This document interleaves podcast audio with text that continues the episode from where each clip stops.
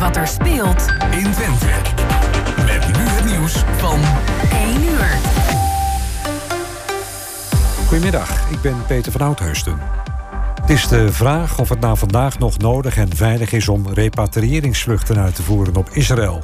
Dat meldt het ministerie van Buitenlandse Zaken. Er zijn al honderden Nederlanders opgehaald en het aantal verzoeken daalt. Ook vandaag wordt er weer gevlogen. Vanuit Keulen is een vijfde vliegtuig opgestegen. In het Limburgse Belveld is iemand gewond geraakt toen bij een woning zwaar vuurwerk afging. Hoe erg de verwondingen zijn is niet bekend. Het vuurwerk ontplofte bij de voordeur die zwaar beschadigd raakte. De politie denkt dat de explosie te maken heeft met een ruzie. Er is nog niemand aangehouden. Er was vannacht ook een explosie in Den Haag. Daar ontplofte iets bij een café in de Schilderswijk. Er zijn geen gewonden, wel raakte een ruit beschadigd. De melding kwam binnen rond half vier. Een verdachte is nog niet aangehouden. De politie hoopt dat er getuigen zijn die willen vertellen wat ze hebben gezien. En de Nederlandse atlete Anne Luiten is blij met haar prestatie bij de Marathon van Amsterdam. Ze haalde de Olympische limiet en mag naar de Spelen in Parijs volgend jaar. Het was de dood of de gladiolen, maar ik ging ervoor, zijn ze bij de NOS. Luiten is na Sivan Hassan de tweede Nederlandse die de limiet heeft gehaald. Het weer dan van Weer Online. Er trekken buien over het land met kans op hagel, onweer en aan de kust zware windstoten. In de loop van de middag droger en meer zon bij hooguit 13 graden. De komende dagen rustiger weer. En tot zover het ANP-nieuws.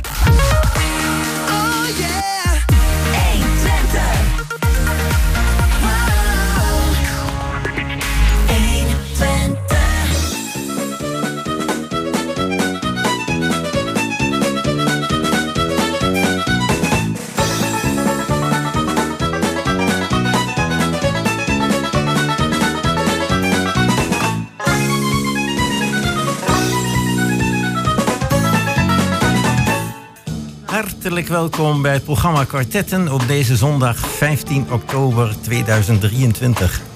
De gasten vandaag zijn Vincent Mulder, Ati Geelink en Lucas Schoonhoven. De techniek doet Peter-Jan Schonen. Gespreksleider vandaag is Eddie Pardijs. En uh, dames, dames en heren, hartelijk welkom. Fijn dat jullie eh, er zijn. Uh, ik wil eerst even een voorstelrondje doen en dan begin ik bij Vincent Mulder. Nou, Vincent Mulder, ik ben uh, sinds jaar en dag uh, afdelingsvoorzitter van de Socialistische Partij in Hengelo. En ik zit sinds 2006 in de raad, de gemeenteraad. En er was deze week weer één raadsvergadering. Zeer kort, met heel weinig inbreng. Het college komt met totaal geen voorstellen. En als ik een vraag stel over hoe het zit met uh, de verontreinigde lucht, met name in het zuiden van Hengelo, dan wordt alles vooruitgeschoven. Dan zijn er geen antwoorden. Dan wordt het allemaal veel te technisch en veel te ingewikkeld. Dus dat, uh, ja, dat frustreert me soms. Maar het is mooi weer buiten, dus uh, ik ben vandaag met goede zin. Gaan we, we gaan er straks even op door. Uh, ga ik toch even naar Ati Gelink. nou, ik ben Ati Gelink. Ik ben een geboren in het Hoog Hengelo. Ik doe veel vrijwilligerswerk. Ik geniet van mijn pensioen. Ik doe leuke dingen. Ik kom er en, straks nog even op terug. Okay. Want uh, ja, ik heb gelezen van uh, je bent ook in het bestuur van het cultuurpodium Houtmaat. Ja, Daar gaan we het straks even over hebben. Okay. Lucas Schoonhoven, even jouw voorstelling. Uh, Lucas Schoonhoven, ik kom van buiten. Ik woon slechts de helft van mijn leven in Engelo, dus ik blijf import. ik ben sinds 2005 actief in de politiek met onderbrekingen in de gemeenteraad van de andere partij van D66. Dus we hebben al de basis voor discussie hier aanwezig. En ik heb me ook lopen irriteren bij de laatste raadsvergadering. Gaan we het zo meteen nog wel even over hebben. Nou, laten we meteen erop doorgaan. Wat, wat is er gebeurd bij de laatste raadsvergadering? Uh, nou ja, er was, er was, vroeger hadden we veel minder raadsvergaderingen. Maar werd er wel veel meer vergaderd. Tegenwoordig is het veel meer... Uh, vaak dat er helemaal niks te vergaderen is of wat mededelingen van het bestuur. En krijg je een, dat die beschikbare ruimte zich dan vanzelf op gaat vullen. Uh, dat merk je doordat er heel veel tijd wordt besteed aan vragen van raadsleden. En dat zijn heel vaak vragen waar je ook wel even de telefoon kan pakken om de ambtenaar op kan bellen. Met van oké, hoe zit dat nou? Maar dan wordt die vraag toch gesteld in de raad voor de publiciteit en om aandacht te vragen voor een bepaald iets. Oké, okay, maar moet dat nou allemaal plenair? Moet zo'n raadsvergadering organiseren kost ook wat. Officiële vragen beantwoorden, dat kost ook wat. En dan zit ik een beetje als misschien wat te ervaren raadslid op de achtergrond met van... Moet dat nou allemaal zo? Kunnen we dan niet eens een keertje een vergadering overslaan? Is het wel makkelijk om uh, een ambtenaar te pakken te krijgen? Jullie als raadsleden? Uh, ja en nee. Het is vaak het vinden van de juiste ambtenaar. De, de, de, gemiddelde houding van de gemiddelde ambtenaar in Engelo is heel sociaal en bereidwillig om mee te werken naar een raadslid toe. Zeker als je hem opbelt, dan zijn ze vaak blij dat je belt, want anders krijgen ze een officiële vraag en dat is veel meer werk. En heel vaak kun je dingen die fout zijn, die berusten op een misverstand of een procedure die je niet helemaal kent, uitleggen met gewoon aan de telefoon. Ja, als het dan een echte vraag wordt, ja, dan is het allemaal wat meer werk. Maar naar mijn ervaring, er zijn altijd uitzonderingen van het tegendeel valt er met de meeste ambtenaren hier in Engelo best wel goed te praten. Vincent? Ja, wij zijn, wij zijn als raadsleden niet gekozen om met ambtenaren te communiceren. We zijn als raadsleden gekozen om het college te controleren. En dat gaat over het beleid in de stad. dus is het logisch dat wethouders ook hun uh, beleid uh, verantwoorden. En uh, dus het bestuur vertegenwoordigen. Je verwacht ook dat ze met voorstellen komen. En dat ze met die voorstellen ook voorleggen in de raad. Zodat de raad de kaders kan stellen of kan controleren of de kaders die gesteld zijn goed zijn. Nou, in, in, het in de laatste anderhalf jaar. Uh, ik heb een van de, van de wethouders die erin zit, die heb ik nog nooit uh, achter de microfoon gezien. met een, een heel boeiend verhaal over waar zij mee bezig is. Ehm, ik vind dat echt schokkerend, want er zitten er vijf. Er zitten er één meer dan vorige keer. Nou, we hadden het al eens over, nou, dat geldt voor die ene extra wethouder. Daar zou je het sociale beleid behoorlijk mee op kunnen kalefateren. Terwijl dit college 9 miljoen heeft bezuinigd per jaar. Dus met andere woorden, maar zelfs daarover hoor ik ze niet. Dus ik hoor niet wat ze nou precies aan het doen zijn. Waar doen ze dan minder in? Waar doen ze misschien dingen efficiënter? Uh, ik hoor het allemaal niet. Ze willen daar ook niet over vergaderen. We hebben in het presidium meerdere malen voorgesteld. Laten we dat eens op de agenda zetten. Laten we eens in een politieke markt met inwoners erbij uh, kunnen uh, praten hierover. Dan zeggen ze nee, we willen een technisch beraad, meneer Schoonhoven. En wat is een Zeggen ze niet tegen mij, jij zit in het presidium, ja, ik niet. Nee, maar dan zeggen ze tegen de raad, hè, want ik zit daar ook namens de hele ja. raad om naar de agenda te bepalen. En dan zeggen ze, ga maar met de ambtenaren praten. Uh, maar dat is een besloten vergadering. Daar mogen de inwoners niet bij. Dus als we het gaan hebben over de vervuiling van de lucht in Hengelo-Zuid... dan zegt het college, ja, daar gaan we een keer een technisch beraad over organiseren. Dat betekent raadsleden worden bijgepraat door ambtenaren. Prima, maar daar mogen geen andere inwoners bij. Dat is natuurlijk hier. Ja, ze zitten toch als vertegenwoordiger van, van Hengelo. Dan moet je toch de Hengelo's bij betrekken. Absoluut. Dat vind ik heel raar. Maar er zijn ook mogelijkheden om dat te doen. Af en toe eens een keertje een hoorzitting over het luchtbeleid te organiseren. Maar laat het college ermee komen. Zij hebben een probleem. Zij hebben uh, met ACT, de asfaltcentrale in Hengelo, hebben ze een zware stank uh, veroorzaker. Bewoners melden dagelijks met tientallen bij de ODT dat ze klachten hebben over de stank en angst hebben over de benzine en de paksuitstoot. En het college weigert om daar ja, de bewoners um, op een fatsoenlijke manier van dag tot dag over bij te praten. En dat doen ze dus niet. Ja, dat is mijn grote schok shock eigenlijk. In deze periode. Maar dat, maar dat komt ook niet voor in de, in de, raads, in de, in de vergadering, zeg maar. Ja, dan word je het bos ingestuurd. Dan wordt er gezegd, nee, maar dat is nu allemaal... voor een vragenkwartiertje is dat allemaal veel te ingewikkeld. Veel te technisch, dat gaan we nu niet doen. Mijn vraag was ook... de gemeente moet uh, een bepaald onderzoek... die eist een bepaald onderzoek van de asfaltcentrale... over de luchtkwaliteit. Dat moeten ze niet één keer per jaar, maar twee keer per jaar doen. Dat weigert de asfaltcentrale. Dan gaat de gemeente dat onderzoek doen. Mijn vraag was simpel wie gaat dat betalen, dat onderzoek? Gaat de gemeente daarvoor aan de lat staan of wordt het rekening neergelegd bij de, de asfaltcentrale? Geen antwoord. Dat vind ik heel slecht. Het wordt tijd voor een hoorzitting. Ik merk het al. Nou ja, alle raadsleden mogen uh, een hoorzitting uh, antomeren en organiseren. Ik zie van andere fracties totaal nul inbreng op deze punten. Nul. Ja, over een vlag. Ja, ja daar komen we zo meteen ja. al op, die vlagdiscussie. Ja. Oh. ja, ik bedoel, ja, we hebben het over, hè, over een vlag. Ja. Het is echt van de, nou, het is van de gek. Ik heb nog nooit zo'n tamme raad gezien. En een tam college. Dus ik zit daar mijn tijd te verdoen, is mijn idee. Wat is daar aan te doen? Um, nou, ik heb wel wat ideetjes erover. Ja, ik heb daar ook wel wat ideeën over. Maar, nou, ik zou zeggen spuien, hè? Het probleem is, um, het is een beetje als een bokser die... Um, steeds maar in een andere hoek gaat kruipen. Dus die zich uh, uh, ja, die niet wil aanvallen, die niet wil boksen, die eigenlijk steeds maar duikt. Dan hè, komt de aanvaller naar één hoek toe, kruipt hij gauw naar de andere. Dus eh, dat is een beetje de, de sfeer die nu in, eh, in de raadzaal eh, hangt. En dat is, eh, ja, dat is dodelijk. Ja, wat is de reden? Waarom, hoe komt dit? Eh, ze hebben geen visie, geen beleid. Eh, op de vragen die wij stellen, vanuit de SP met name, eh, komt altijd slap, een slap verhaal. Of het nou gaat over sociaal beleid. Wat zijn nou de effecten van de bezuiniging? Laat eens zien wat jullie nieuwe beleid Ja. nu uitwerken. Hoe ver zijn jullie ermee? Geen antwoord. Ook geen eh, aangeven van, nou hier gaan we het in een politieke markt over hebben. Als wij daar naar vragen, mogen wij daar een politieke markt over hebben... waarin jullie Ja. ons van tevoren informeren wat jullie precies doen... zodat wij daar vragen over kunnen stellen... en eventueel meer geïnformeerd kunnen worden. Doen ze niet. Heel Lucas. Lucas, hoe kijk jij er tegenaan? Echt. Als D66er. Nou ja, wij, eh, wij zitten dus wel in de coalitie. Maar ik ben het voor een deel met Vincent eens. En als ik dan ga denken van hoe komt dit? Nou, dit college is rechtser dan het vorige. Ja, maar goed, rechtse colleges kunnen ook heel erg goed informatief zijn. Daar heeft het Ja. niks mee te maken. Maar het is ook eigenlijk, ja, er zitten ook linkse partijen in. Dus er zit niet echt een heel erg duidelijke Nou- ideologische koers in, wat mij betreft. Het is een beetje van alles wat. En wat krijg je dan? Dat iedere partij in het college bepaalde punten heeft die heel erg belangrijk zijn. En de rest, daar hebben ze het liever niet over. Een van die punten is eh, bijvoorbeeld de plaatsen van windmolens. Een ander punt wat heel erg eh, een rol heeft gespeeld is hondenpoep, hondenbelasting. Ja, een van de partijen in het college heeft dat toch wel als heel erg belangrijk punt opgenomen dat dat moet worden afgeschaft.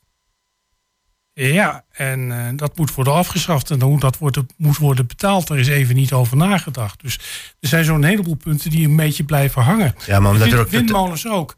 Komen er in Hengelo windmolens, ja of nee? Nou, dat weten we nog steeds niet. Waarom?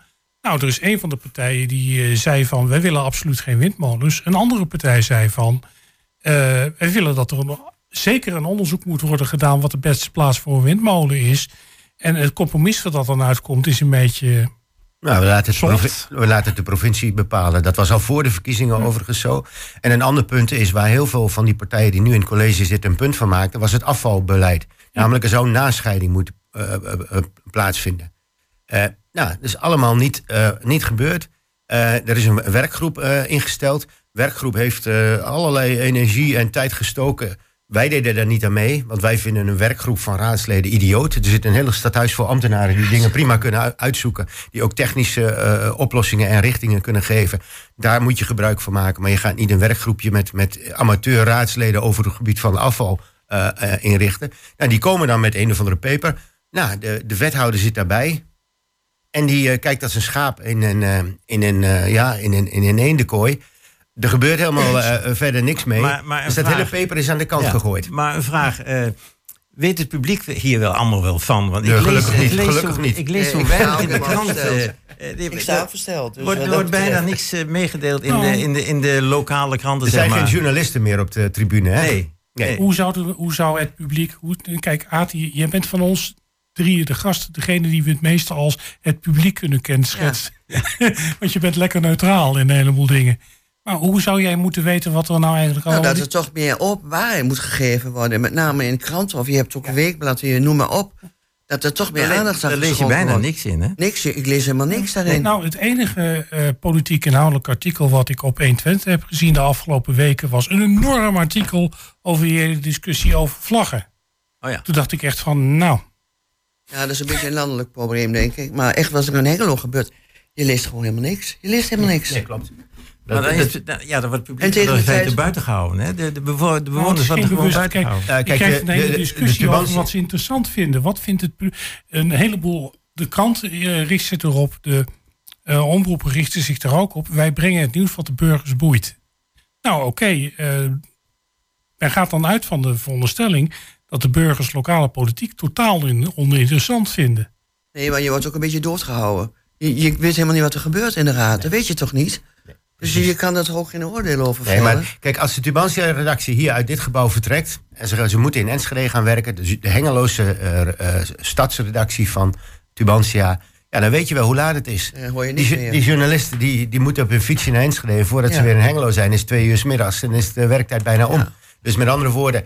eh, ik denk dat het een hele slechte zaak is. En dat ook, ook tekenend is voor het feit dat...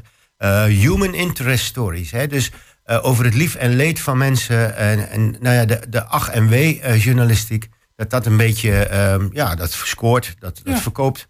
En voor de rest... maar je kunt toch de, de raadsvergadering, die kun je, laat maar zeggen, wel via internet volgen, rechtstreeks. Ja, ja. Wordt, dat, wordt daar veel gebruik van gemaakt? Nou, nee, zelden. Eerlijk gezegd, het, het, klinkt heel erg cru, maar op het moment dat ik een jong en enthousiast iemand tegenkom die geïnteresseerd wil raken in de plaatselijke politiek, dan raad ik de persoon altijd af om als eerste naar een raadsvergadering te gaan. Want dat is meestal loeisaai en niet te volgen. Pak eens een onderwerp, ga dat volgen, ga eens naar een commissievergadering, ga eens mee naar de organisatie waar het over gaat. Probeer een beetje zo er inhoudelijk in te komen waarmee ze bezig zijn. De eerste keer dat ik bij een fractievergadering aanzat, dacht ik echt, dat duurde anderhalf uur en ik dacht echt van, wat voor een idioterie ben ik in vredesnaam in beland. Het is behalve voor de mensen, voor de mensen die er echt in zitten, dat zijn hier Vincent en ik, voor de grootste gedeelte van de wereld gewoon niet te volgen waar het allemaal over gaat. Er zitten ook bepaalde rituelen aan vast. Uh, mensen die elkaar al, altijd op elkaar interrumperen. Op het moment dat Vincent naar de microfoon stapt, zie ik iemand van de VVD al opstaan van ah, ik plaats wel een interruptie. En op het moment dat. Ze dat maar, dat, doet, dat gebeurt niet eens meer. Nee, het gebeurt steeds minder. Het gebeurt, het gebeurt totaal niet. Wat, wat gebeurt er in de commissievergaderingen dan? In de commissievergadering worden uh, nou ja, wat, wat meer uh, basale informaties uh, gewisseld over, over bepaalde onderwerpen. En de, de teneur is dat je in een raadsvergadering enkel nog de laatste standpunten wisselt van wat de partijen vinden van dat onderwerp, of ze voor of tegen zijn. En dan wordt er een klap opgegeven op basis van de meerderheid. Maar is er wel publieke belangstelling voor de commissievergaderingen? Heel soms, erg sterk wisselt. Soms wel. Soms, soms wel. Ja. kijk, als, als, over die luchtkwaliteit waar ik over begon. Als ze daar nou een, een, een politieke markt voor zouden organiseren... dan weet ik dat daar 40 mensen uit Hengelo-Zuid naartoe komen... omdat zij wel wat een appeltje te schillen hebben met die, die vervuilende industrie. En willen dat het, de, de, de overheid, de gemeente in dit geval, goed op de jas zit. Nou, dus die zullen zich laten horen. Maar wij, dat, hoe komen we erachter als eh, bewoners? Lezen we het dan in de krant? Nee, die onderwerpen. Nou, komende maandag is er een uh, bijeenkomst van die bewoners. Die hebben ze zelf georganiseerd. Uh, ik mag daarbij zijn. Nou, wij zullen een plan maken dat daar uh, in ieder geval luid en duidelijk, duidelijk gemaakt wordt wat die mensen voor stank en rotzooi te verduren hebben. Dus dat moet uh, meer in de openbaarheid komen. Ja, we moeten maar eens een keertje een goed gesprek hebben met de pers hoe, dat we gaan, hoe we dat gaan organiseren. En ik vind het nog een uitdaging. Er zijn ontwikkelingen in die richting dat je dat als politieke partijen gewoon als groep. Alle politieke partijen hebben er groot belang bij dat dit soort informatie bij de burgers komt. En dat de burger heel toegankelijk bij de politiek kan komen. dat is het. Ja. Nou, nog één ding hè, over, over die, die pers. Want ik, heb, ik stuur niet alleen naar Tubantia persberichten. Ik heb deze week drie persberichten uitgestuurd naar 120, naar RTV Oost, naar Tubantia, naar Hengeloos Weekblad, naar jullie. Uh, dus dat uh, wordt niet opgepikt. Dat zijn niet de minste onderwerpen. Dat gaat over deze luchtkwaliteit. Uh, dat gaat ook over een bedrijf, Prezero, wat uh, foute stoffen, zeer zorgwekkende stoffen loost op de Berflobeek. Dat wordt eventjes gemeld in de krant. Dat de provincie daarvan zegt, ja, dat mag nog twee jaar doorgaan. Dan denk ik van, ja, maar hier in Hengelo, wat vindt het Hengeloze college daarvan? Geen reactie, ook niet van de pers. Het gaat over uh, de, uh, het verbod op leegstand van zowel bedrijfswoningen, winkels als bedrijfspanden, maar ook woningen. Want dat gebeurt in Hengelo ook. Nou, als je daar als gemeente een duidelijke uitspraak in deze wooncrisis op, op doet, dan zorg je in ieder geval voor dat de ruimte die er is, dat die benut kan worden. Nou, dat soort zaken, daar heb ik dus persbericht over gestuurd wordt niet opgepikt. Dus er is toch een, een, een, gebrek aan de journalistiek die uh, wat meer aandacht besteedt aan dit soort dingen. Nou, Absoluut. laat ik het bot zeggen, er zijn weinig journalisten die op zich de Engeloze politiek nog interessant vinden. Waar komt dat door? Omdat het niet interessant genoeg is, denk ik, om te, nou, om te schrijven. Is, kijk, het, als je het, wat, wat ik net al zei, van het kost enige tijd om je erin te verdiepen. En het moet je ook een beetje liggen. En je moet het gewoon interessant genoeg vinden om die tijd er ook in te steken.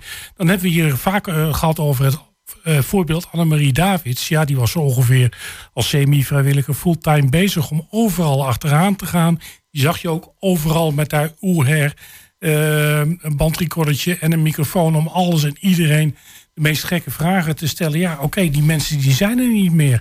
Uh, ze hebben er voor een deel ook de tijd en de aandacht niet meer voor. Nee, maar een ander, ander punt is ook, kijk, de prioriteit van de krant. Dus de, de, er kwam wel een stankonderwerp uit Hengelo-Zuid in de krant, in Tubantia. Dat ging over taap. Dat is een Turkse instelling en die heeft een, Ja. eh, een gebouwtje Oh, ja. overgenomen. Ja. Nou, die hebben dan af en toe dat ze buiten een, een gebouwtje Ja. hebben. Daar hebben ze een bakkerijtje in en dan, dan maken ze kebab. Dat doen ze af en toe. Nou, de bewoners zijn daar eh, boos over, want die ruiken dat. Die hebben daar last van. Dus dat is gewoon een burenruzie. Ja, dat komt dan wel met, met, Ja. met foto en met uitgebreid artikel in de krant. spannend, Terwijl het gaat over de tegenstelling tussen vervuilende industrie. Lees Tata Steel, lees Eten niet, lees Gemoer. eh die ook in Hengelo zich manifesteert. Ja, daar is niemand belangstellend voor. Terwijl die Hoe dat bewoners... Hoe kan dat dan? Dat daar geen belangstelling voor is. Ja, eh, ze zullen het misschien net als het college te technisch vinden om daarover te praten. oh ja. Want eh, daar hebben ze het over Pax bijvoorbeeld. Nou, Pax, dat is een chemische stof. eh, en dat is inderdaad een hele ingewikkelde naam. Maar het, het enige eh, relevante feit is, het is een kankerverwekkende stof. Nou, die kankerverwekkende stof, die mag je niet maar zo lozen. Nee. En als die norm wordt overschreden, dan moet er ingegrepen worden. Ja. Nou, en daar is het college heel erg talmend mee. Dat doen ze niet. Dat durven ze niet. Ja, dan kun je beter over kebab schrijven. Ja, ja, ja. We gaan even naar een stukje muziek toe. En dat is eh, All About Money van Midja. Oh ja, ja.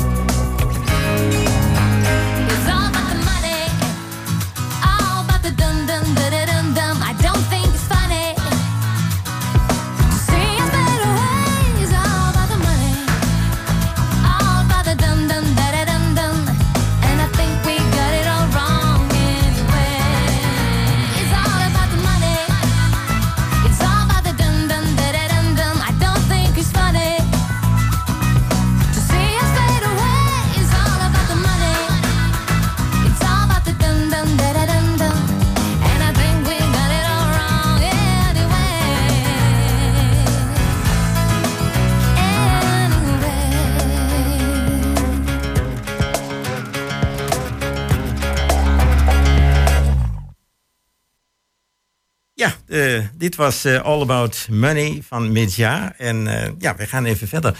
Ik kijk even naar Ati- Atti. Ehm, jij hebt iets te maken met het cultuurpodium van de Houtmaat. Vertel er eens van. Nou, ik zit in het bestuur van een cultuurpodium. Het gewoon een ontzettend goed cultuurpodium is. Elke zondagmiddag wel 350, 300 mensen. Het is een gevarieerd programma elke zondag. Van 2 tot 5, half 3 tot 5. Ja, er is veel animo voor. En het is gewoon. Het, kost niks om daar binnen te komen. Dat is natuurlijk ook heel fijn en heel bijzonder. Je haalt ook mensen binnen die dus een kleine portemonnee hebben. Kost niks. En je hoeft geen entree te betalen. Nee. En is een drankje. het is in de buitenlucht, hè? Het is in de buitenlucht. Het is een prachtige plek om te zitten. Nou, Vincent zegt zelf ook, die is wel eens geweest. Ja. En vooral op een zondagmiddag, het is daar gewoon, ja, het is net of je ja, in een sprookjeswereld bent, want zo mooi is het daar gewoon. En per zondag spelen er een aantal... Twee bandjes. Twee bandjes, Ja. ja. Ja, Noem, eens, noem eens wat namen. ja, dat zijn bandjes uit de regio, dat zijn bandjes van Oifo. Dat is gewoon heel gevarieerd. Van dat, alles. dat, is, dat is volgens mij ook de kwaliteit. Dat Ja. je dus beginnende bandjes die dus niet, Ja, niet bekend eh, zijn. op een podium met entree en zo eh, al, al, al mensen trekken. Ja. Die, die, kun- die kunnen daar bekendheid eh, genereren en eh, publiek eh, laten zien wat ze kunnen. Dat is geweldig. Ideaal podium. Mogen we heel blij mee zijn dat ja, we daar mogen we dingen blij mee hebben. zijn. Maar weet je, je zit wel op... We hebben nou toevallig woensdag vergaderd. Het is gewoon, je zit wel met je geld. Hè? Dat is gewoon... eh, Wij moeten natuurlijk wel investeren. Een podium en licht en geluid. En het, zijn allemaal vrij, het zijn allemaal vrijwilligers die het doen. Krijg je ook moeilijk tegenwoordig. Dus je moet, ja, dit is gewoon heel vervelend. En maar je je moet, krijgt nog wel iets subsidie of zo van de we krijgen overheid? wel wat subsidie, maar eigenlijk zouden we best eigenlijk wat, wat meer subsidie willen hebben. Want je, je doet toch heel veel mensen een plezier uit Hengelo hiermee. En we willen het graag houden zoals het is, dus geen entree. Want als je entree moet vragen, dan haken er toch bepaalde mensen af en dat is jammer. Krijg je weer extra werk mee? Ja, ook dat. Maar het, het is gewoon zo, je ziet ook mensen die... Er wordt gewoon gedanst. En dat is natuurlijk ook... Ja, dat is gewoon heel bijzonder. Ja. Mensen verheugen zich op zondagmiddag om daar naartoe te gaan. Ja. Het is eh, vanaf eh, eind, eind voorjaar, Ja, eind mei, mei, zeg maar, tot eh, tot september. september. Ja. Oké, ja. En, en elke zondag, Elke zondag. Twee weken zijn we dicht geweest in de vakantie. ja. Maar verder gewoon elke zondagmiddag. En dan zo gemiddeld zo'n 300, Ja, 400 300 mensen. mensen. Misschien wat meer, soms wat minder. Ligt ook aan het weer natuurlijk. Ja. Ja, en het is een prachtige parkgebied van de Houtmaat. Ja. En dat is het mooie van Hengelo. Kijk, als je eh, straks het uh, Bernhard Plantsoen, als dat weer eh, gaat draaien, is dat ook een mooie plek. Zeker. Je hebt eh, een binnenstad die vergroend is. Je hebt de metropool. Je hebt Ja. eh, de schouw, eh, Schouwburg. Ik bedoel, dat is eigenlijk eh, hetgene wat je wilt. Op verschillende plekken voor verschillende mensen eh, wat wils. Eh, en toch cultuur. En toch eh, eh, ja, kunstzinnigheid, eh, muziek, dans. Maar ik denk bij de houtmaat dat je geen last hebt van geluidsoverlast. Ja, je moet En wel dat- rekening houden met decibellen natuurlijk. We hebben Ja, zo'n maar is apparaatje dat- erbij staan. Het is Ja. wel eens een keertje uit de hand gelopen. Want daar hebben ze hier vooral in, op, van Ja. eh, weet ik veel hier in het, in het park, in het eh, ja, hebben ze wel eens problemen ermee. Hè? ja, dat, het, dat mag niet te hard. hè? mensen, nee. Voor de juiste verspreking, Sint-Bernard. Ik weet, ja, de discussie was al over het park van, eh, moeten we die naam wel Nou, ik vind het wel handhaven? een goede suggestie het om te dopen tot het Sint-Bernard-plantsoen. ja, Dan zijn we meteen van een ander probleem af. ja. Ik heb wel een alternatief, de, de BBP. En dat is? het Boef Bernhard Plantsoen. Boek ben ik dan zo. Ja, dat lijkt me, dat is lijkt me een betere ja. naam. Ja, Nee, maar zoals bij de... We hebben het dan ook over de... Over de hoe is dat hier? eh, Metropool. Ja. Eh, ik zat ook in de organisatie van het Hengelo 60's 60s Revival. Dus zoals aankomende zondag, de 22e, hebben we weer een middag in het café bij Metropool. Ook twee beentjes. En dat organiseren wij ook twee keer in de maand. In de wintermaand. En dat is gewoon heel leuk. Ook weer elke, elke zondag? Twee keer in de maand. Twee keer in de maand. Ja, Complimenten. Ja. Complimenten, is echt heel goed. ja. ja. En dan is, eh, nou, er is nog wel meer natuurlijk. Er is ook hier één keer in de maand, dacht ik, een jazzclub in de Schouwburg. Ja. Dus eh, activiteiten. dat zijn gewoon leuke dingen gebied, om te doen. Nou vergeet niet, hè, anderhalf jaar geleden, en, en een lange periode zaten we in coronatijd. Ja. Toen kon dit allemaal niet. Dat hebben Maar- wel gedaan, hè, met de houtmaat. De, in de houtmaand bleven ze, bleven ze open, althans zo, voor zover Ja, mogelijk. niet veel Nee, hoor. Nee, nee. heel weinig. Nee. Maar goed, dat is heel knap. En daarmee hebben jullie het vuur ook brandend gehouden. Zodat je nu weer met, Ja, eh, met mensen aan Ja. de slag kunt. Hartstikke Ja. goed. Je ziet helaas dat heel veel vrijwilligersorganisaties rond de coronatijd een behoorlijke tik hebben gekregen. Dat de hele generatie er gewoon mee gestopt is. En ze nu heel erg hard bezig zijn om dat weer terug te winnen. En dat is best wel moeilijk, want het Dat is is ook heel moeilijk. Vrijwilligers vinden is heel moeilijk. op dit moment ja. Dat vind ik heel jammer. Nou ja, je zou, ja, ik denk dat jullie die bron al proberen. Eh, natuurlijk van het ROC zijn er verschillende Ja. opleidingen in de creatieve dat- hoek. Dat, die zijn ook al bij ons. zo, ja, die dat je die jongetjes die- stagiaires ja. eh, en dat je die vast Ja. probeert te houden. Ja. Ja. Maar ja, weet je, ze kunnen bij iemand anders krijgen ze meer geld. Hè? Dat is het probleem. Hè? Ja, ja, en ze zullen misschien tijdelijk voor jullie. eh, Ja, dat kan wel, meedoen. maar wij kunnen natuurlijk niet zoveel geld geven. Nee, dat kan Dat is, dat, is een, dat is een beetje de vloek van het vrijwilligerswerk op dit moment. Het wordt steeds moeilijker om vrijwilligers te vinden die het helemaal voor niks doen. En als je een kader van vrijwilligers op wil bouwen, dan zul je eigenlijk moeten werken aan vrijwilligersvergoedingen enzovoorts. Maar ja, een heleboel Ja, instellingen hebben daar het geld. meer. Hè? Als je Precies. een vergoeding krijgt, dat kan Nee. niet. Nee, en bovendien, eh, hoe, ga je dan iemand in, eh, belonen? Nee, dat kan niet. Dat kan eh, niet. Vrijwilligers doen het vrijwillig en de ene heeft zoveel tijd en de ander Ja, zoveel. nee, dus dat, is best niet. ingewikkeld. Dat is niet te doen. Maar ja, er wordt ook steeds meer vrijwilligers gevraagd voor alles. Hè? Ja. Ik, ik, ik, ik lees Ja, zelfs in verzorginghuizen, ik bedoel, Overal, overal. ja. ja. Ja. Nou ja, dan kom je bij het punt waar ik het net over had, het sociale beleid van Hengelo. Want daar zit natuurlijk, wordt ontzettend naar getrokken. Mantelzorgers en mensen die dan in, in tehuizen en buurthuizen koffie schenken en Ja. weet ik veel wat. Heel nuttig werk. Maar het, het zou werk moeten zijn en niet eh, vrijwillig, Vrijwillig, van, vrijwilligers afhankelijk. En dat is een van de Ja. grote eh, Ja, trekkers. waar ligt dan de grens van vrijwilligers en waar eh, Nou ja, de zou je overheid- moeten gaan betalen? In de zorg stoot de overheid dus een heleboel van die taken die ze betaald hebben, eh, die stoten ze af. Ja. Dan moet dan maar, hè, u lost het thuis maar op. Hoe la- u, Ja. Ja, lang, lang zult u wonen, is, is dan de, het adagium. Verzorgingshuizen zijn er nauwelijks meer. Dus het is echt een groot probleem van Ja. vereenzaming. Eh, ik ben vanochtend nog bij een buur, buurvrouw en een buurman geweest, allebei in de negentig. Ja, dat zijn mensen die zitten dag in dag uit. Nou, gelukkig Alleen, naar, in de, naar de tuin te staren waar nog vogeltjes eh, eh, fluiten of rond, rondkruipen. Dat is hun enige vermaak. Maar ja, Dus- we hebben in het verleden natuurlijk het bejaardencentrum hebben we afgeschaft. Ja, hè? bezuinigen. En, en ja, Ja. bezuinigen. Maar ik bedoel, eh, dat was voor een heleboel mensen toch een oplossing Ja. voor de eenzaamheid. Absoluut. En dat zou een een idee bejaarden- zijn. Het moet, moet gewoon weer komen. Eigenlijk wel, Het is hè? gewoon erg dat het weg is. Ik vind het echt heel erg. Zeker. Dus, eh, Ik maar ja, woon op tuin op kijken, zoveel mensen daar ook eenzaam zijn hoor. Ja. Heel erg, ja. Bij, bij tuin is een heel actieve buurthuis ook. Ja.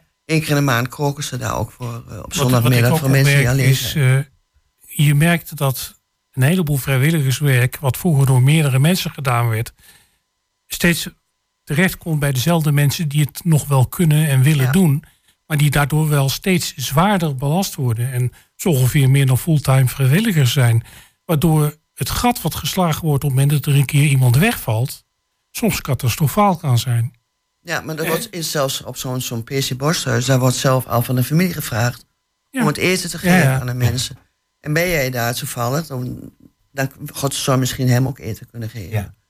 Ja, en dat is, dat is prima, maar dat is wel een taak van de verzorgende, vind ik. Jij komt daar niet om iedereen. Ja, maar ik vind het een grote schande. Ik Ik bedoel, ook. we, we hebben een, verz- een verzorgingsstaat eh, opgebouwd met, eh, weg. uit solidariteit Ja, eh, na de Tweede Wereldoorlog. verdwijnen, joh. En die zijn aan het verdwijnen. En dat Ja. is puur omdat, eh, kijk, want de winsten van grote bedrijven die stijgen eh, sky, high. De, de, maar de overheid die zorgt allemaal dat ze, dat ze inkrimpen en bezuinigen. Minder geld naar zorg, minder geld naar dienstverlening voor mensen. Ja, en het is weg de, de wereld op zijn kop. En het kabinet weigert dan om bijvoorbeeld de grote bedrijven extra te belasten. Nee, dat moet je niet doen, want dan jaag je ze weg naar het buitenland, is dan hun verhaal. Nou, dacht het niet.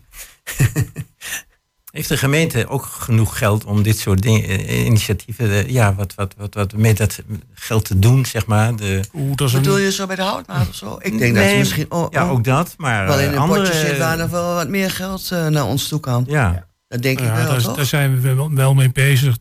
Dan krijg je de discussie rond het zogenaamde ravijn. We zien aankomen dat door een aantal maatregelen eh, de gemeente het in de, over een paar jaar best wel moeilijk gaat zitten krijgen in de, met de financiering. Maar dat wordt zo langzamerhand in Den Haag ook onderkend. De gemeente krijgt er steeds meer taken bij, zonder dat er het geld bij meekomt om het ook uit te voeren.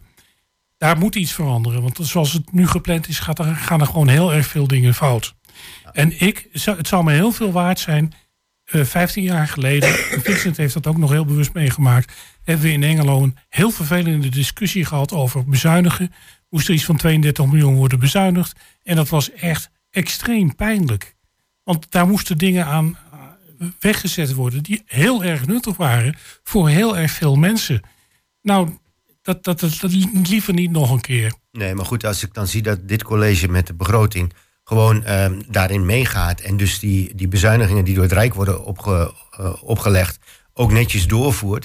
Ik bedoel, de, de- de wethouder van de SP die zei van nee, ik, laat, ik hou een gat in de begroting van 2 miljoen. Dat is geld wat wij van Den Haag horen te krijgen. En we schrijven het niet in als een bezuiniging. We rekenen hier dat we die uitgaven maken. En Den Haag moet maar over de brug komen. Die militante houding, die, eh, die verwacht ik van dit college. Dat doen ze niet omdat natuurlijk, ja, hun partijen zitten ook grotendeels in, eh, in Den Haag eh, aan de touwtjes. Ah, maar dat gaat, eh, 22 november gaat dat Ja, veranderen. dat gaat anders worden.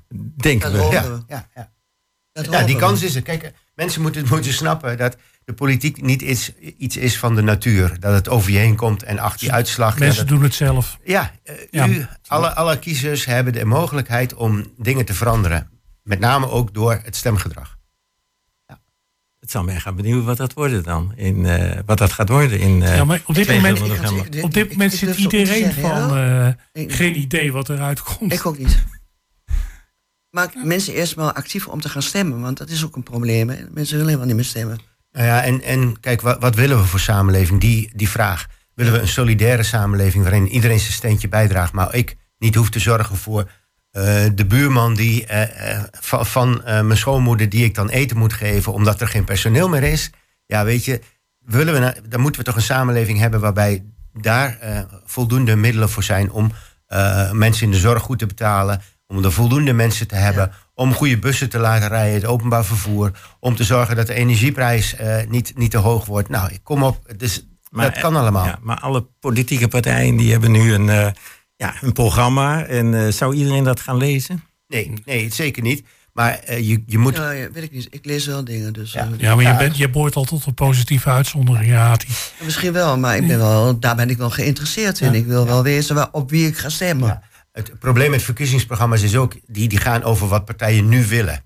En als ik kijk wat ze nu willen, dan denk ik van, ja, maar waar was je dan Ja. de afgelopen tien jaar? Dus mensen kijken Ja, ook maar als ja, je- dat- is de coalitie, hè? Ja, maar kijk, nee, maar dat geldt voor alle partijen, ook voor mijn partij. Kijk wat ze de afgelopen eh, tien jaar hebben Hmm. gedaan. En of ze hun woord hebben waargemaakt, wat ze toen wilden. Of ze dat ook in beloftes hebben, eh, ja, eh, of in, in daden hebben omgezet. Dat is, eh, Ik denk dat er heel weinig van terechtgekomen is. Ja. Maar is dat, heeft dat ook een oorzaak dat eh, Nederland, eh, Europese Unie, eh, dat dat allemaal een rol speelt? uiteraard. Ja, maar Ja, ik denk het wel. dat, dat wil niet zeggen dat je niet nationaal een heleboel mogelijkheden hebt. Of als gemeente een heleboel mogelijkheden hebt om je eigen koers erin te varen. Eh, het argument van ja, het is allemaal de schuld van Den Haag. Of het is allemaal de schuld van Brussel. Dat wordt me iets te vaak gebruikt Denk in sommige kringen. Ja, nou kijk, we- hebben, en vergeet niet, mijn partij zat toen ook in de coalitie. De afgelopen eh, 16 jaar echt wel geprobeerd om een vrij links sociaal beleid hier in Engeland te, te voeren. Ja, alleen dan krijg je een verkiezingsuitslag die naar rechts rukt. Ja, Dat is niet zo. Ik bedoel, de SP is er eh, bewust buiten gelaten. Ze hadden het met de SP prima kunnen doen. ja maar ze waren niet de grootste partij. En eh Pro dat Engel zijn- was ook niet de grootste partij. Eh, eh, SP is nooit de grootste partij in Hengelo geweest. Dus even uit die droom helpen. Ex-equo. Nee, ja, in zeteltal. Toen was de VVD nog weer een paar stemmen eh, groter. En dat Maar ze, hebben, maar ze hebben wel een aantal jaren een goede wethoudster gehad. Hè? Zeker, zeker. Oh, daar is En iedereen het er wel over eens. maar die strijdbaarheid die zij aan de dag legde, die mis ik dus in dit college. Totaal niks. En, en dat, is, dat is doodzonde. Misschien mag ze het nu gaan doen, want ze staat op de lijst van de Ja, SP eh, landelijk. hè? Zeker. zeker. Ja. Ja. Hoeveel staat ze? Ze staat ergens op de 40. Omdat nou, ze nu... dat wordt nog even werken, denk ik. Maar, Nou ja, Nou ze- ja, of, of eh, hier iedereen in de Volkers regio eh, ent- ja, enthousiast maken. Dat, Absoluut. dat kan zeker. Ehm, maar goed, het is ook, eh, hè, de plek op de lijst die je krijgt, is ook een, een, eh, discussie tussen de, degene die het maken en jezelf. ja. Wij gaan even weer naar een muziekje.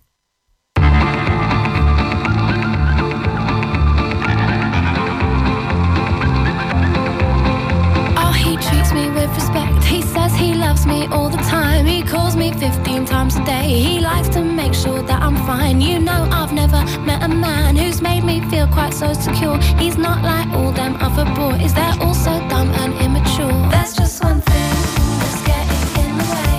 When we go up to bed, you're just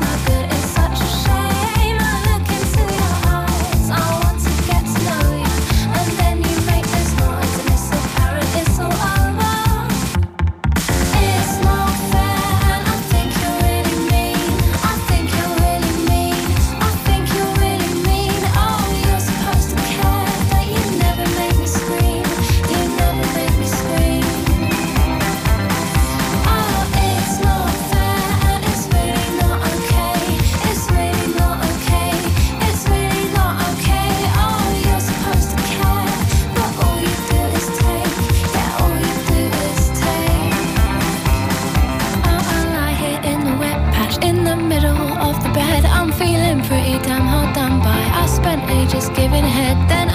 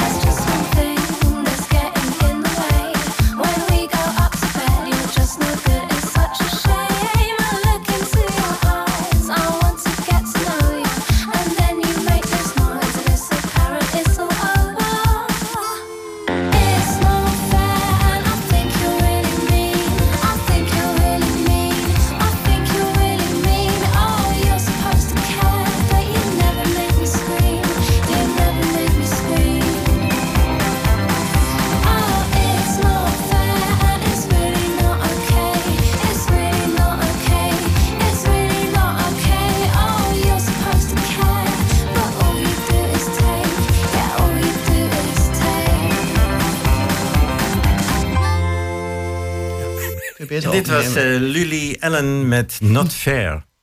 Eh, we, we gaan even verder met, eh, ja, eh, toch maar even weer de politiek in. Want eh, we, we beginnen hier allemaal al te lachen. Maar eh, het punt is, eh, we hadden nog een discussie over vlaggen hier in Hengelo.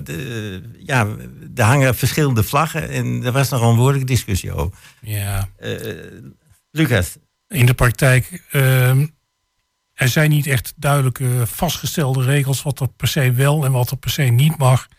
En in de praktijk regelt de burgemeester afhankelijk van de situatie welke, eh, welke vlag er hangt. En dat doet hij zo neutraal mogelijk. En eerlijk gezegd, je kunt best wel af en toe kritiek hebben op deze burgemeester, maar dat soort dingen doet hij goed. Maar mede door dingen, gebeurtenissen in andere steden krijg je een. eh, ja, moeten we nou de vlag van de Palestijnen hier hangen? Moeten we de vlag van Israël hangen? Moeten we ze beide hangen? Moeten we ze beide half stok hangen? Moeten we ze on- ondersteboven hangen? Eh, ehm, nou goed, daar werd door eh, partijen op ingesprongen en we kregen twee eh, moties. Daarbij onder de gemeenteraad, waar behoorlijk over vergaderd is. En uiteindelijk zijn beide moties met op één na algemene stemmen verworpen. En dat is wel goed ook, want er stonden ook wel dingen in die moties waarvan ik dacht van... Goed, dat betekent als je dit strak probeert te regelen... dat er opeens een heleboel andere dingen eh, niet meer mogen. De regenboogvlag, volgens even bij de moties, mocht dat niet meer. Ja, jeetje.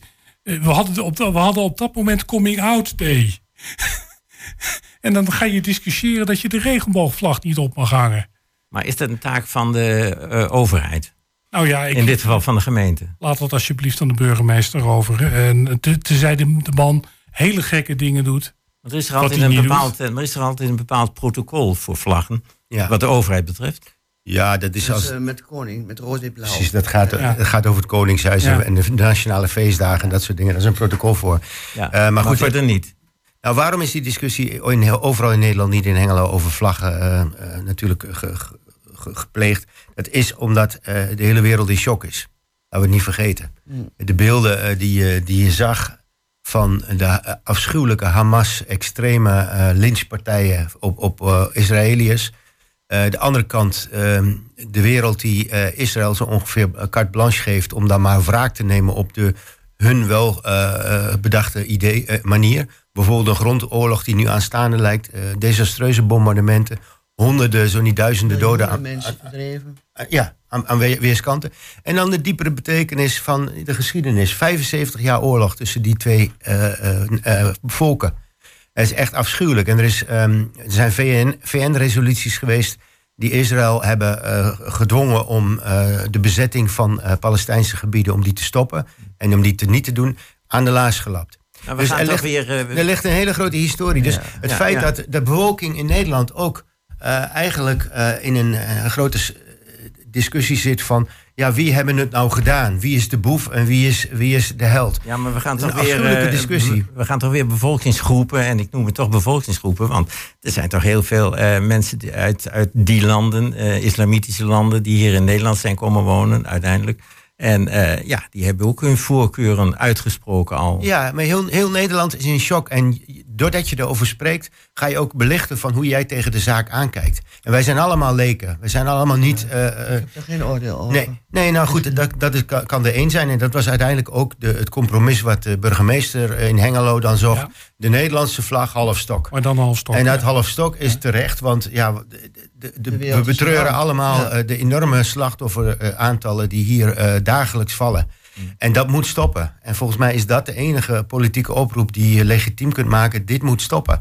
En eh, En wat die- mij betreft, En, en, en die vlag hangt hier nu? die is eh, tot donderdag is die, eh, is die blijven hangen en daarna weer weggehaald. Nou, ik heb er van de week op televisie een hele mooie vlag gezien. Een blauwe vlag met een witte vredesduif erop. Ja. Ja. Hang die op. Had je ook kunnen doen, ja. Ja, ik heb hem al besteld. Ik hang hem op. Ja, meen ik echt. Ik weet niet of Hengelo hem heeft, maar goed. het, Nou, die kun je bestellen. Nou ja, ik zei altijd, eh, doe maar gewoon een witte vlag. Eh, Knip een stuk uit een wit laken. Hang die op. Eh, dat is namelijk de vlag. Op het moment dat er een oorlogssituatie is, dat je, Ja, dat je ja. naar buiten wilt en dat je zeggen van, ik, ben, ik, ben, ik doe niet mee in de strijd. Ik heb trouwens het idee dat Hengelo wel heel veel vlaggen heeft, de gemeente Hengelo. Ja, van elke land één. Er was een Mexicaanse eh, ambassadeur geweest. Ja. En daar hadden ze een vlag van liggen. Nou, ik verbaasd mee. Ja, eens denk je, die- er moet wel heel veel We vlaggen hebben wil ook wel eens vlaggen in dat archief kijken. Ja, ja. Was het, was het laatst niet zo dat ergens Nederlander werd ontvangen... en dat ze per ongeluk vlag verkeerd ophingen... omdat ze van het journaal hadden begrepen dat dat de Nederlandse vlag was? Oh ja. Ja. Jij zegt de tuindorpvlag, Ati. En ik, ik was eh, geroerd door het feit dat eh, tot eh, afgelopen maandag hing die, hing die halfstok. Ja, Brol. Ja, vanwege Roel Kok. Ja. Eh, hele Ja. bekende en, en, en ge- geliefde eh tuindorpenaar. Tuindorp, ja, zeker. Ja. Nee, maar zo'n zo'n witte, zo'n blauwe vlag met zo'n witte vredesduif... laat ze die maar ophangen bij het stadhuis. Dan ben je neutraal en je zegt gewoon... ik wil vrede in de wereld. Hengelo heeft zelf ook een vlag. Hè? Ja, Dat is met een, eh, ik dacht een blauw met een witte ja streep. het op. stadhuisteken toch, of niet? De beek. De beek, Beek. hè? Dus de beek- beek, beek. staat Ja, erop. En, en negen, negen bijen. Oh ja, bij je. Met een Ja, bijenkast. geloof ik, ja. Ja, bijenkorf. Maar wat, ik- wat ik wel jammer vind, is, is dat je een hele discussie hierover krijgt. En midden in de raad. En ja, het is geen onderwerp waar ik het er zo, zo over wil discussiëren. Nee, maar goed, partijen willen hier partijpolitiek mee maken. Ja, dat, dit, waren is, de, dit is een soort van partij. dat waren de twee partijen die die moties indienden. was de PVV en dat was de Forum voor Democratie. Oh, ja, ja. En die haalden dus geen enkele bijval. Uh, maar ik vind het ook echt nogal wat dat je op dit uh, intrieste uh, conflict en met die escalaties, dat je daar je partijpolitiek op wilt, uh, wilt gaan ja, dat vestigen. kan ook niet, want dit is gewoon wereldpolitiek. Ja. heeft, natuurlijk heeft het wat met Hengelo te maken. Ja. Maar het is geen, geen Hengeloze politiek. Nee. Dus ik vind niet dat je daarover in een raad moet debatteren. Nee, ben ik nou gek nee. dat ik dat zeg? Nee, absoluut niet. Ik je... ben het met je eens. We hebben ook het woord niet gevoerd op deze, deze nee. discussie. Nee, ook niet. Expres, die hadden wel wat voorbereid van... als het uit de hand loopt, dan zeggen wij kort dit. Maar uh, zoals het liep, uh, de burgemeester had het goed in de hand. En hey, dat je af en toe eens een keertje wat dingen doet. Toen Rusland Oekraïne aanviel... werd de stadhuistoren wel gepast belicht. Hè? Dat kun je vergelijken met een vlag ophangen. Dat vond ik een heel gepast gebaar. Maar dat, op, dit ja. moment, op dat moment uh, waren er nog wel wat Oekraïense uh, vlaggen hè, in, uh, ja. in Hengelo oh, te zien. Oekraïne vind ik ook zo typerend. Oh. Nou ja, dat valt nu, valt nu dus helemaal in de lute van ja, het nieuws. dat maar vind ik ook. Er zijn weer nieuwe... Ja, weet ja, ik, wel. nieuwe... Ik, ik, lees het wel, maar je hoort het gewoon in het journaal. Nee, niks nee. Ik zo. Maar zoveel leed kan een mens ook niet ja. aan, denk ik dan. Nee, nou ja, ik zal je eerlijk zeggen, ik kijk s'avonds helemaal niet meer naar het journaal laat. Want ik, uh, de eerste paar weken, dagen, dan had ik, lag ik in bed en was ik er zelf mee bezig. Denk, ga ik niet meer doen. Nee. Nee. Nee, nee zo triest is het inderdaad. Ja, ik vind het heel erg. Ja. Ik kan die beelden ook niet zien hoor, echt niet. Nee. nee ik denk, ik denk dat wij hier behoefte doen. hebben aan een positief onderwerp. Ja, eigenlijk wel. Nou, nou doe je voorstel. Uit Bruut. Uit Bruut. Dat, oh, ja, lijkt dat ja. ik, positief. Ja. Dat is een hele mooie tentoonstelling, hè? Die ja, nog loopt, dacht eh, ik. Hè? Complimenten voor al die mensen die dat hebben, uh, weer opnieuw hebben waargemaakt. Dat doen ze elke twee jaar. Het is een biennale. En dit jaar is hij wel echt uh, top of the bill. Hij is uh, prachtig. Veel kunstenaars die daaraan meedoen. grote ruimte. veel volk. Ik zag bussen met mensen gisteren en eergisteren naar Hengelo komen. Van heinde ver uit Nederland. Uh, ja, ik zei net tegen Lucas van misschien moeten we daar gewoon uh, moeten we dat nog een week verlengen. Want ja. het, het, verdient echt uh, zoveel aandacht. En de ruimte is ervoor, hè? De ruimte is ervoor. Maar als je ziet ook hoe ontzettend mooi mensen die vaak zelf, ja, nou ja, op een of andere manier een beperking voelen of hebben of niet. Maar in ieder geval die niet worden gezien als de professionele kunst. Maar dat die mensen fantastisch mooie dingen maken. En ik zou zeggen, dat is professionele kunst. Ik ben geen kenner, maar ik vind het prachtig wat er is. Ja, maar waarom is het zo kort eigenlijk? Ja, het is, het is tien, tien dagen. Ja, nee, tien dagen. ja acht Deze dagen, negen dagen. Ja, ik zou, voor mij zou het langer mogen. Ook gezien het feit dat er zoveel mensen op afkomen. Ja, het is nu herfstvakantie. Ja. ja. Dat alleen al Ja, maar- zou een reden zijn Ja, om hem... dat eh, is gewoon jammer. Maar het is nog vanmiddag tot zes uur open. Dus iedereen die nu luistert en, en nog niet gezien heeft, kom naar Hengelo. Het is mooi weer. Bij de oude, de oude VND, het, het nieuwe VND-gebouw wat leeg staat, waar de VND uit is getrokken. Daar kun je terecht en dat is prachtig. zeker een aanrader. Maar dat gaat te zijn tijd natuurlijk wel veranderen, hè? Dat complex daar. Er komen daar geen woningen in, heb ik Ja, begrepen? die, die plannen die zijn er voor heel veel objecten in Hengelo. Dan zie- lees je weer in de krant, er wordt woning, worden woningen gebouwd. Maar dan is er weer een of andere belegger en een makelaar. En die hebben dat dan weer, eh, die, die willen daar... door. En dan komen er geen, geen gegadigden op af, want de prijs van die appartementen is eh, Vreselijk. torenhoog. Ja. Maar dat, dat, dat zie je toch bij... Neem bijvoorbeeld eh, Lange Wemen. daar, daar zijn al 15 jaar plannen eh, om daar iets mee te doen. En iedere keer gaat het weer niet door of worden de plannen weer veranderd. Ik heb gehoord dat er nu eindelijk eens een keertje gebouwd gaat worden. Maar eerst zien dan geloven. Ja, dat wordt iedere keer gezegd. Ja, Dat zeggen ze ook van, eh, van die eh, eh, horecawand tegenover het stadhuis. ja. Dat zou dan ook gebeuren op de Marskant. Er stond een artikeltje in de krant, er was wel een mooie foto bij. Het, het, the Lonely House on the Prairie. Eh, dat hele oude terrein Ja. eh, waar het oude politiebureau stond. En kokend Ja. water eraf. Ja, En dan nu, hoe lang is dat geleden? ja, het Dat is ook al 15 jaar geleden. Ja, ja. nu staat er één huis. ja. Mhm. En, en ja, peperduur. Ik bedoel, ik, ik gun het die mensen en die kunnen het mo- eh, betalen. Dat is prachtig. Maar de rest is nog nauwelijks verkocht. Dus dat toont ook aan dat de wooncrisis echt veel dieper is dan we denken. Ja. Want ja, nu zijn ze aan het bouwen, maar ja, alleen vaak voor de, de mensen die, eh, die een goede Ja, beurs er worden hebben. ontzettend veel appartementen ook. Ja. gebouwd in het duurdere segment. Op de nijverheid. Ja, op de nijverheid, eh, er zijn nu eh, heel veel Oekraïners en statushouders die daarin wonen. Ja, ik Maar zie dat hier, willen ze af gaan breken, hè? heb ik begrepen. ja, per april volgend jaar zou dat gesloopt moeten worden. Nou, alles in mij verzet zich daartegen. Het zijn fantastische woningen. En er worden Jullie nu- hebben als eh, SP daar ook bezwaar tegen gemaakt. Ja, we, we doen al, ik denk al vijf, zes jaar zijn wij eh, bezig om wel bij ons te overreden.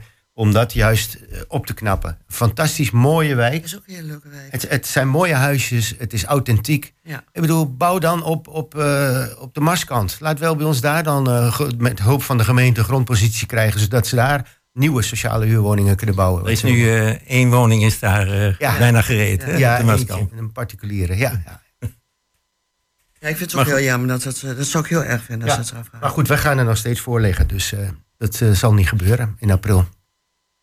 Ben benieuwd. Doe je mee? Ja. Goed zo. Goed zo. Nou, zo begint, zo begint verzet. We zijn met z'n tweeën al. En ja, die, Nou, die mensen doen mee. Lucas daarvan? Lucas die overweegt zijn positie nog. Kijk, ik, ik weet dat eh, zeker Vincent heel erg persoonlijk betrokken is bij sociale Nee, dat is woningbouw. niet- ik ben politiek betrokken. Ja, ik ook. Ik woon erin. En ik deel jouw zorgen met betrekking tot eh, de woningbouw. Ik, maak, ik irriteer me ook wezenloos aan het feit dat er een heleboel woningen gebouwd worden in een bepaald woonsegment. Die niet worden afgezet. Eh, neem de Apollo-toren. De duurste woningen ervan die zijn nog steeds niet verkocht. En het ding is al bijna af. Nou, als dat overal maar gaat gebeuren... dan zit Hengelo straks vol met appartementen die niemand kan betalen. Nou, dat was toch niet de bedoeling van sociale huisvesting. Ja, maar ik vind ook sowieso voor de jongeren, die moeten verdorie zorgen dat ze een huis krijgen. Lukt helemaal Dat gebeurt niet meer. Met zijn alle sociale gevolgen van die. dat is in en in triest. Er zijn jongens van, eh, meisjes van eh, 28, 29 die al bij bij papa en mama thuis. Ja. En dat, eh, nou ja, goed, het is al eh, sinds jaar en dag dat wij daarop eh, hameren. En ik weet dat het heel lastig is, maar ik denk dat de gemeente in deze ook een rol kan spelen. Meer nog dan, heb ik dat appel doe ik altijd, maar de gemeente moet ook nadenken. Vroeger had je ook een gemeentelijk woningbouwbedrijf. Ja. En ik zal niet zeggen dat ze daar nu maar zo het geld voor op de plank hebben liggen, maar ze kunnen wel leningen afsluiten om dit voor elkaar te maken. En wat dat betreft zijn die containerwoningen op de Sportlandrine, ik ben heel erg tegen tijdelijke woningen. En in een container wonen, als je het hoort, dan, dan gruwel je al.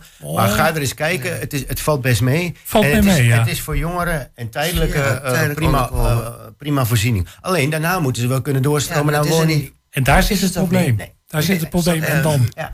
starterswoningen. En ondertussen krijgen we ook nog woonwagenbewoners bij. Ja, maar dat is relatief zo ontzettend klein. Hè? Dat, dit- dit is voornamelijk een politiek item vanwege de eh, inpassing. Laten we het zo uitdrukken. En dan dat eh, we nou opeens Hengelo overspoeld worden woonwagenbewoners. Kom op, het gaat in, bij elkaar iets over 16 woningen. Dat is, dat is eigenlijk niks. Ik woon pal tegenover een, eh, een standplaats voor een woonwagen. Die staat er al de, eh, 40 jaar en al 40 jaar zonder problemen. Je kunt het zelfs niet eens zien dat hij er staat zo ongeveer. Nee. Nou, het is een, een historisch-cultureel gegeven dat Ja. voor, voorheen zigeuners, Ja. later andere woning, eh, woonwagenbewoners, eh, die vrijstaat voor hunzelf creëren. Namelijk, ze hielden de, hielden de wielen eronder, hoefden ze geen onroer, onroerend goedbelasting te betalen. Nou, dat was een maas in de wet. Ehm, in, en de regering had ook ooit kunnen zeggen van nou, we stoppen hiermee, we, we- zand erover, jullie moeten maar in gewone woningen gaan wonen. Dan waren die mensen zeer terecht in, eh, in opstand gekomen. Dus dat is niet gebeurd. Zelfs Europees al, hè? Ja, dus die rechten, die rechten die hebben ze. Nou, en, en dus, dus moet de gemeente die rechten ook, eh, ook, ook serieus nemen. Net als de rechten van asielzoekers die hier eh, ook in alle gemeentes van Nederland eh, terecht moeten kunnen. En de statushouders die huizen moeten hebben. En dat is een heel vervelend eh, gegeven, want politiek wordt dat uitgebuit. Dan wordt er gezegd van, mijn kind kan geen woning krijgen omdat die en die en Ja. die en die groepen Ja. voorrang krijgen. Nou, daar heb ik echt ongelofelijke hekel aan. Dat soort politieke geluiden. Want die concurrentie wordt niet gemaakt door die andere mensen. Die concurrentie wordt gemaakt door de politiek die te lamzakkerig was om sociale huurwoningen bij te bouwen. Integendeel, ze hebben ze toegestaan dat ze gesloopt werden. En zo zijn we weer terug in de nijverheid. Ja. En, en dan worden ze voorlopig niet gesloopt. Het zie ik nog niet gebeuren. Maar goed. Ja, je weet het niet. Het is zo april, hè? Het is zo april. Ja. Dus we moeten Gaat heel hard. En dan wordt er gestemd daarover. Nee, nee eh, wel bij ons heeft gezegd dat ze eh, die woningen nog eh, ter beschikking houden voor statushouders en Oekraïners. Maar dat per eh, 1 april ze toch willen slopen en dan eh, zal er nieuwbouw gepleegd worden. En waar Eh, blijven die Oekraïners? Ja, die moeten dan naar de Hazenweg voor zover mogelijk. Nou, ik, als Is je daar, is daar nog ruimte in dat, in dat Het gebouw? hè, toch? dat, is een heel zeggen groot ze, gebouw. dat zeggen ze, dat schijnt. Eh, maar goed, in ieder geval, He- Hengelo moet ze dan weer opnieuw huisvesten, net als de statushouders. Dus het probleem verplaatst zich dan van de, van de schaarste aan woningen. Dus laat die woningen staan, bouw ergens anders. En zorg dat, eh, dat je fatsoenlijke woningbouw hebt voor die jonge starters. en Voor die, voor die mensen die... Maar, ze- eh, maar als ze gesloopt worden, moet er toch iets nieuws gebouwd worden. En wat gaat er, wat gaat er komen ja, dan? dat wordt duur. Er worden minder woningen. Dus er worden er 107 ge- gesloopt. Er komen er iets van 68 voor terug. En een deel van de grond gaat naar een, eh, een belegger of een, eh, een, een vastgoedjongen. Dus het, het en die gewoon, gaat daar eh, particuliere Ja, maar het woningen is bouwen. natuurlijk Ja. ook niet zo goedkoop als waar je nou woont. Nee, dat wordt de huur meteen wel gigantisch hoog. Dat kunnen heel veel mensen niet betalen. Nee. Je zit gewoon in een cirkeltje. Dat komt me niet uit. En dus het grote geld gaat er weer mee lopen. Dat wil ik maar zeggen. Dat is een beetje de constante in ons verhaal van de Socialistische Partij. De tegenstellingen in de maatschappij zijn zodanig verscherpt dat je een hele kleine, eh, rijke bovenlaag hebt die eigenlijk de maatschappij uitzaagt. Die zorgt dat een overheid moet bezuinigen. Ik heb zomaar het idee dat we op 22 november eh, heel wat te kiezen hebben. En te zorgen dat het, eh, wat het gaat worden in Nederland. Zeker. Maar ook in, ook in Engelo. Ja. Goed, eh, nou, ik eh, wens jullie eh, daar heel veel succes met de voorbereiding voor die 22 november al. Want ja, jullie zijn politiek, willen jullie dat heel graag naar voren brengen. Goed, we sluiten hiermee de uitzending af. En de gasten waren Vincent Mulder, Ati Geelink en Lucas Schoonhoven. De techniek dat deed Peter Jans Schonen. Eh, de gasten werden uitgenodigd door Jos Krasinski. En de gespreksleider vandaag Eddie Pardijs. Na het nieuws kunt u luisteren naar Sportlijn, gepresenteerd door Anton van der Vondervoort en Peter Jans Schonen. Ik wens u nog een fijne zondag.